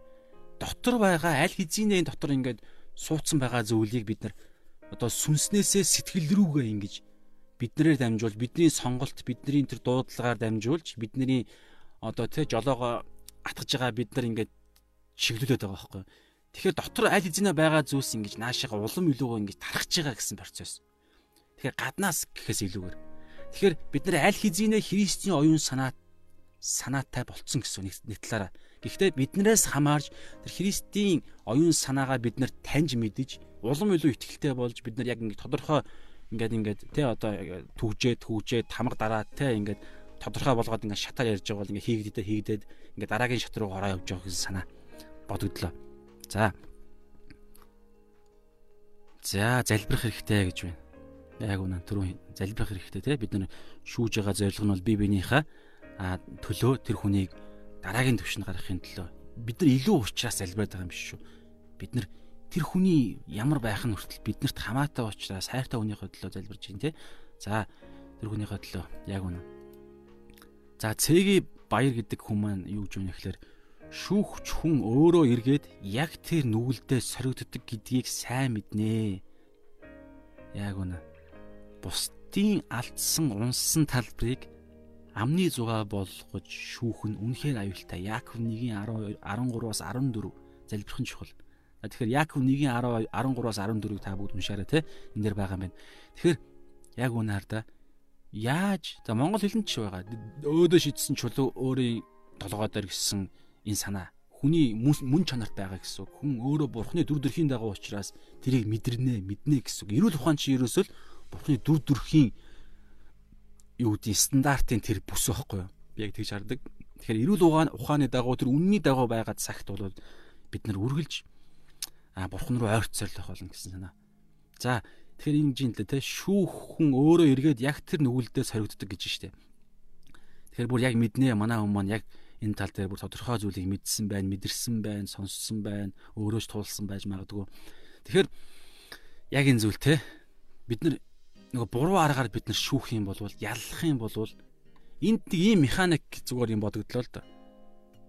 Та өөрөө хин нэг нэг тэ а шүүх буюу тэр яллах үед, дүгнэх үед тэр яллаж дүгнж шүүж байгаагаараа та өөрийгөө юу гэж ертөнцид те энэ хүмүүс аа гадагшаага та тунгаглаж байгаа гэхлээрээ би бол ийм хүн гэдгийг хэлж байгаа байхгүй юу? Би бол ийм хүн. Би энэ бол яг би хүн зүрхний бэлхлаар ярьдаг гэдэг чинь би бол яг ийм хүн гэж хэлж байгаа гэсэн тунхлыг хүн шууд та хэлж гин гэсэн. Тэгэхээр автоматар нөгөө хүмүүс таныг энэ хүн ийм хүн юм байна гэж харах болно гэсэн үг. Тэгэхээр та тэгэхэр чинь юусоо та тэр а тэгж баг одоо юу гэдгийг за ингээд нэг хэлэх үзэл дээ сатантай баг та аа за ингэж хэлэх нь хаашаа те ер нь бол та өөрийгөө за энэ тал дээр бол би асуудалгүй гэж баг хэлж байгаа юм шиг нэг талаараа хэр сайн илэрхийлэх юм байгаа. Гэтэл яг тэгж шүүл та бусдыг тэгж шүүснээрээ та баг өөрөө тэгж өөрөө тэгж шүүгдэх сорилтонд орох тэр боломжоо баг та ингэж тавьж байгаа мэт. Яа бурхны та оронд та бас тэ өөрөө а гарчгаар чинь бурхан таныг халахвчлан хамгаалж исэн бол та сатааны талд орчиж байгаа байхгүй баг бусдыг шүүснээрээ шууд. Тэгэхээр чин нөгөө нэг айхтар гар чин шууд биднээр хүссэн а бид нар лууд айралтай хийн штэ. За тийм бодол төрлөө. За цаашаа уншия бүгдээрээ. Тэгэхээр энэ цэгийн маань хэлсэн санаа бол бас үн шүү тэгэхээр ингийн эрсдэл бодолч гэсэн бид нарт бас байх хэрэгтэй тий та хин нэгний шүүхэл юм бол та зүгээр яаж тайлбарлсан гой судалж ягаад гой аргалгаа гаргалгаа гаргаж ирсэн гаргаж иж болно. Та өөрөө яг шүүгднэ л гэсэн санаа. Та яаж бусдыг шүүнэх гэдэг нөгөө яллах гэдэг юм яриад байгаа шүү дээ. Яллаа тэр хүнийг ингэж ялтан болгож тэр хүнийг буруутан болгож тэр хүнийг ингэж дарамтлж тэр хүнийг унгааж байгаа гэсэн санаа байхгүй бид нар бусдыг чи тэгчлээ гэж зөвөр хэлэхэд л ерөөсөө чи яагаад тэгж байгаа юм бэ гэж хэлэхэд л одоо юу гэдэг Аа гэхдээ энд чинь мэдээж ялгаатай нөгөө нэг түрүүний ярьсан ямар зорилгоор хэлж байгаа эсвэл ямар хүмүүс хоорондоо арилж байгаа гэдгээс. За цааш явъя бүгдээ. За яг үнэн аль болохоор зөв ойлгуулж зөв байдлаар ярилцах нь чухал гэж боддог. Харин тийм ээ яг энэ л байна. Тэгэхээр харилцаа гэдэг бол нэр үнэхээр нөгөө нэг алтан дүүрм гэдэг байгаа шүү дээ. Би бусдыг өөртөөгөө хэрхэн харьцаасаа гэж хүснэ өөрөө тэгж харьцаа гэдэг энэ юм. А эний цаанаараа яриул олон олон эрх ашгууд, олон олон үннүүд энд ингэж ирсэн огтлцдог. Нэг юм Библийн алтан дүрэн байгаад байгаа байхгүй. Тэгэхээр үүнд эн чинь Матай 6-гийн 31, Матай биш ээ Лук 6-гийн 31, Матай 7-гийн 12 дээр байгаа байхгүй. Тэгэхээр 7 Матай 7-гийн 12 дээр болохоор ингэж байгаа. Энэ бол хууль ба иш үзүүлэгч юм а гэж байгаа байхгүй бүр. Тэгэхээр Матай Матай ном чи өөрөө хуучин гэрээ евдээчүүдэд бичсэн а яг нөгөө нэг хуучин гэрээний өдөөчүүдэд бичсэн гэдэг утгаараа болохоор хуучин гэрээтэй холбож холбож тайлбарладаг шинэ гэрээг хэрэг сэтгэлийг тэр утгаараа а хууль ба иш үзүүлэгч гэдэг чинь ерөөсөө тэр чигээр хуучин гэрээний ном гэсэн үг л дээ. Хуучин гэрээний номд байгаа хууль иш үзүүлэгчдийн иш үзүүлэгчд гэсэн баг энэ хоёр үнд баг хуучин гэрээний 39 номыг ингэж шууд оруулж энэ категорид оруулах боломжтой. Тэгэхээр Төрөүний харда бусдыг өөртөө хэрхэн өөртөөгөө хэрхэн харьцаасаа гэж хүсэн та өөрөө бас тийм харьцаа гэдэг энэ зүйл чи ерөөсөө л а бурхны бидэнд хэлээд байгаа маш чухал багаж анхааруулга байгаа байхгүй. Тэгэхээр та бусдыг шүүх юм бол нэгдүгээр тэр хүн таныг яг л тэгж шүүн эсвэл бусад хүмүүс таныг яг тэгж шүүн. Гэтэл цор хаанд шүүгч нь хэм бэлээ. За цаашаа явъя бүгдээрээ. Жохон энэ дэр тосох гээд байх шиг байна те. За жишээ нь тэр хүний үйл явдлыг өөр дээрээ тохиолдвол яах бол гэсэн халуун дулаан уур амьсгал дотор ярилцвал зүгээр байхаа. Ээдээ энэ л байна л да. Зүгээр шууд шүүгээ дүгнээд ялыг өгөөд баяртай гэж яваа дараагийн үнэ шүүгээ дүгнээд ингээд яваад байвал яана.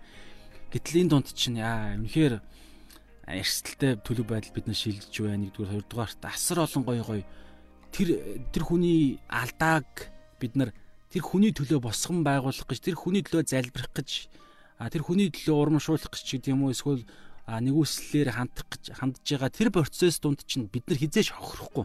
Тэр хүн нэгдүгээр болсон байгууллагууд нь хоёрдугаар тэнд гайхалтай нөхөрлөл явагдана шүү. Тэгэхээр та тэндээс бас сурна харж байгаарай. Ариун сүн сарда хоёр ба түүнээс дээш хүн хамтдаа байгаа цагт би хамт байна гэдэг энэ Библийн ишлийн цаана олон олон үннүүд энэ цаантай ингэж нэгддэг те. Тэгэхээр энэ зүйл дээр бас нэг зүйл нь а ганцаараа бид нар залбирах үед ганцаараа Библийг судлах үед бид нэг хэмжээнд нэг одоо юу гэдгийг төвшин төлөвт бид нар бурхны талаар бодож өөрийнхөө өөрийгөө таньж мэдэх хугацаа байдаг. Тэг хэрүү хамтдаа ярилцсангаа нөхөрлөнгөө бид нар альва бурхан руу хандсан үйл явдал хийх үед тэнд харж байгаа бид та нар бүгөөсөө мэдж байгаа. Яг ариун хүмүүсийн нөхөрл чуулганд нөхөрл хийдэг хүмүүс бол шал ондоо байдаг. Миний бодож байга харалтай бүр ийм ийм зүйл болдог штеп Одоо ч гэсэн яг энэ болж байгаа байхгүй. А юу ихлээр би энэ талаар мэддэг гэдгээ чи мдээгүй зүйлсүүдийг бид нэ өөрсдөө бүр мэддэг юм шиг ярьдэн шүү дээ. Тэгээд тэндээсээ тэр хүн ярихад тэр хүн суралцсан би бас өөрөө өөрөөсөө суралцсан гэж харагдаж байгаа юм шиг боловч үүний цаана юу байга ямар механик процесс явагдаж байгаа гэхээр бид нар хамтдаа Бухны хаанчлалын төлөө ингэж нэг зорилгоо болгоод ярилцах үед бид хоёрыг ашиглаад ариун сүнс дотор угаасаа байгаа ариун сүнс маань тий За ариун сүнснүүд их наашаа юм те. Дотор байгаа нэг болсон ариун сүнс хооронд те ингэж энэ хоёр сувг хоорондоо нэгдээд тэгээд тэнд ариун сүнс ярьж эхэлж байгаа байхгүй юу? Ариун сүнс тэнд дуу хоолойгоо хүргэж биднэрт илчилт ойлголтуудыг хийж эхэлнэ. Тэгэхээр энэ одоо юу гэдгийг эзнийг ч гэсэн бид нар тодорхой бас болгож явал их гоё. Би өнөд одоо би ингээд ариун хүмүүсийн нөхрөл дунд ингээд ярилцж явах үед мэддэг гэдгээ мдээгүй зүйлсүүдийг бид нар ярьж байгаа гэдгээ бид нар ойлгоод мэдчих юм бол а энэ зүйлийг сая ариун сүнс надад ойлгуулаа бит хоёрт ойлгууллаа гэдгээ бас нөхөрлийнхөө явцдаа ч юм уу дараа нь ч гэсэн бас ариун сүнстэй тэр алдрыг нь өгч тэг хэлэх юм бол миний бодлоор бид нар ариун сүнс гэдэг тэр тодорхой бодиттой бүр яг Есүс Христ дээшээ яагаад өргөгдсөн? Ямар биднэрт яагаад ашигтай байсан? Одоо энэ дэлхий дээр Есүс байсан нь илүү ашигтай биш юм уу гэдэг энэ асуултад чинь бишээ ариун дээшээ Есүс өргөгдөөд ариун сүнс энэ дэлхий дээр буугаад хүн болгоны дотор орох нь илүү одоо юу гэдэг те тактикийн хувьд стратегийн хувьд илүү чухлаа гэдгийг чинь бид нар илүү бодиттой болгоод ирэхээр сатаанч хүч нь буурна бид нар илүү хүчтэй болж ирнэ харж байгаа. Тэгэхээр ариун сүнс энд ингээд нөгөө гайхалтай ариун сүнсний том хаанчлалын төлөвлөгөөтэй нөгөө бидний өнөөдөр эхлүүлсэн тэр бурхны хүсэлтэд бид нар нэгдэж эхэлнэ гэсэн санаа явж байгаа те. За бүгдээрээ цаашаа явъя. Ер нь нэлээд бид нар явж байна. Аа ер нь дуусах тийш хаадах байх шиг бах юм. За яг үнэн харьцуулалт байж яг үнэн харьцуулалт байж болохгүй. Амен. Гайхалтай. Харьцуулалт байж болохгүй шүү. Харда харилцууд юусаа байж болохгүй. Харьцуулалт гэдэг энэ зүйл юусоо л аа байгалих байгалийн дагуу биш гэж юусаа ойлгож. Бид нар бие биенээ харьцуулах ямар ч болно юу аа юу гэдгийг шаардлагагүй гэж хэлэхээс илүүгээр бие биенээ харьцуулах тийм юус утгагүй байхгүй юу? Бүгд онцгой, бүгд өөр өөр. Юм чи яаж харьцуулах юм бэ? Бурхан тийм сул дорой бүтээл гаргадаг нэг юм биш. Бүгд онцгой. За. Аа Кота Зола маань Бурханы үг бол толь. Яг үнэ. Толь шүү. Бурханы үг бол толь. За цааш нь уншия те. Бусад үед бид хэд Бусад үед бид хэд хилээд ч хүн өөрчилж чадахгүй. Гэхдээ тэр хүнтэй Библиэс хуваалж залбирч болно. Яг үнэн те хамтдаа бүр одоо зоологийн хэлж байгаа бол хамтдаа Библийн үгээс хамтдаа бие биенийгаа а барьж байгаах нь шүү дээ. Бие биентэйгээ түрүүний яриад байгаа нөгөө нэг барьж байгуулах, урамшуулах, за залруулахтаа хүртэл Библийнхаа үгийг ашиглана гэдэг санаа. Амен. Энэ үнэхээр чухал шүү. Зүгээр би өөрийнхөө дуршлагаасаа гэхээс илүүгээр Библийнхаа үг. Ягаад гэхээр тэр хүн өөрөө энэ л ертөнцөө бид нар нэг ахын дэс болсон шүү дээ тий. За. Минь дээр болсон. Тэгэхээр минь дээр галсан ах маань бид Христийн дотроо Христийг дотроо оруулж альва зүйлд Христийн шиг хандах хандлагатай байх нь хамгийн чухал чухлаа гэж байна. Чухал болов гэж байна тий. Бид Христийг дотроо оруулж за нэгдүгээр та итгэж хүмүүн үү гэсэн байна. Ализинэ ороод ирсэн байгаа. Ер биш бол та энэ тал дээр тий аа тань асуулт үлдэж гинэ гэсэн үг. Танд сонголт Тэгээд альва зүйлд Христийн шиг хандах хандлагатай байх хамгийн чухлаа. Ер нь бол яг инкээсээр уг нь аргагүй юм байна. Гэхдээ мэдээж энэ процесс явагдана. Инкхийн тулд бид нар энэ дуудлагын амьдлыг эхлүүлсэн. Яг зөв тайлбарлаж хэллээ гэж байна. За гайхалтай. Үнэхээр бид бүгд хамтдаа ингээд уулзч байгаагүй мөртлөө энэ эрт сошиалыг ашиглаад ингээд нэг сэдвийн дагуу ярихад ямар гоё энэ даруун сүнс ярьж болж гин те. Яг энийг бол би ийм зүйл бод энэ зүйлийг би урд нь яг яг саний ярьсан зүйлсүүд олон зүйлсүүдийг би яг ингэж бодож байгаагүй олон зүйлсүүд байсан. Тэгэнгүүтлээ ийм төлөвлөгөөч над байгаагүй энэ сэдвийг тэр утгаараа энэ лайв та сэдв гар гэдэг байгаа шүү. Тэгэхээр таны дотор ариун сүнс нэг санааг илэрхийлнэ гэдэгт би итгэлтэй байна гэсэн үг шүү дээ. Тэгэхээр энд ингээ ариун сүнс энэ сошиал ертөнцийн лайвыг ашиглаад хүртэл ариун сүнс ажиллаа хийж гэнэ гэсэн. Энийг хүртэл бид нар баттай мэддэг байх хэрэгтэй. За амьд байгаа нь би биш. Миний дотор Христ амьдаа. Амен. Паулийн тунхаг тунхагийг бид нар бүр амьдралынхаа аа бүр ингээд бүр тэ тугаа болох хэрэгтэй байна. Энэ энэний төлөө бид нар тэмүүлж ирэл хайгуул хийж байна. За бүгдээр ерөнхийдөө өндөрлөх тийшээ хандъя. За цаг маань ер нь дуусж байгаа учраас за Кото зоологийн маань сүүлийн комментиг уншия. Дэлхий биднийг буруутгадаг бол бурхан биднийг хайрладаг. Зүрх тавинаа дэлхий биднийг буруутгадаг гэдгийн цаана дэлхийг цаана хэн байгаа вэ? Ямар хүч байгаа вэ? Тэрний зорилго бол ерөөсөө буруутгах. Тэгэхээр бид нар биднийг буруутгадаг нэгний боол болж, нэгний дор орж, орно орохыг бид нар хүсэхгүй мөртлөө бид нар бусдыг шүүж байгаагаараа тэр хүний дор, тэр хүчний дор ороод байгаа байхгүй юу? Тэгэхээр бид нар энийг гартал мэддэг те. Харин бурхан биднийг хайрладаг. Яг шүүх ёстой, яллах ёстой нэг нь харалтай. Биднийг шүүхгүй, яллахгүй, хайрлая гэсэн байхад буруутгах нэг нь буруутгнаа чамайг шүүх гээд ингээ занг бэлтгэхэд бид нар тэрийг яагаад сонгоод байгаа юм. Тэгэхээр энэ юу гэхээр бид өөрсдийгөө таньж мэдэх хэрэгтэй болчиход. Тэгэхгүй бид нар ингээд мэхлэгдснээр болоод бид нар үхлээ сонгоод байна л да. Тэгэхээр аюултай байдал байгаад байгаад за баярлалаа Батмөх Түхтэн найдмууд маань хамт байсан баярлалаа бурхан ивэг та бүгдтэй энэ бүгд хүртэл энэ цаг мөч хүртэл хамт байсан та бүгдтэй баярлалаа. Тэгэхээр дараагийн мегман гаргийн энэ цагаар дахин уулзлаа баяртай. Тэгэхээр та бүгд маань санаж ягаад орж ирээрээ тэгээд а энэ цагийг гой нөхрөлийн ариун хүмүүсийн гой болцооны цаг байлгая. За шолом дараагийн цагаар дахин уулзлаа баяртай.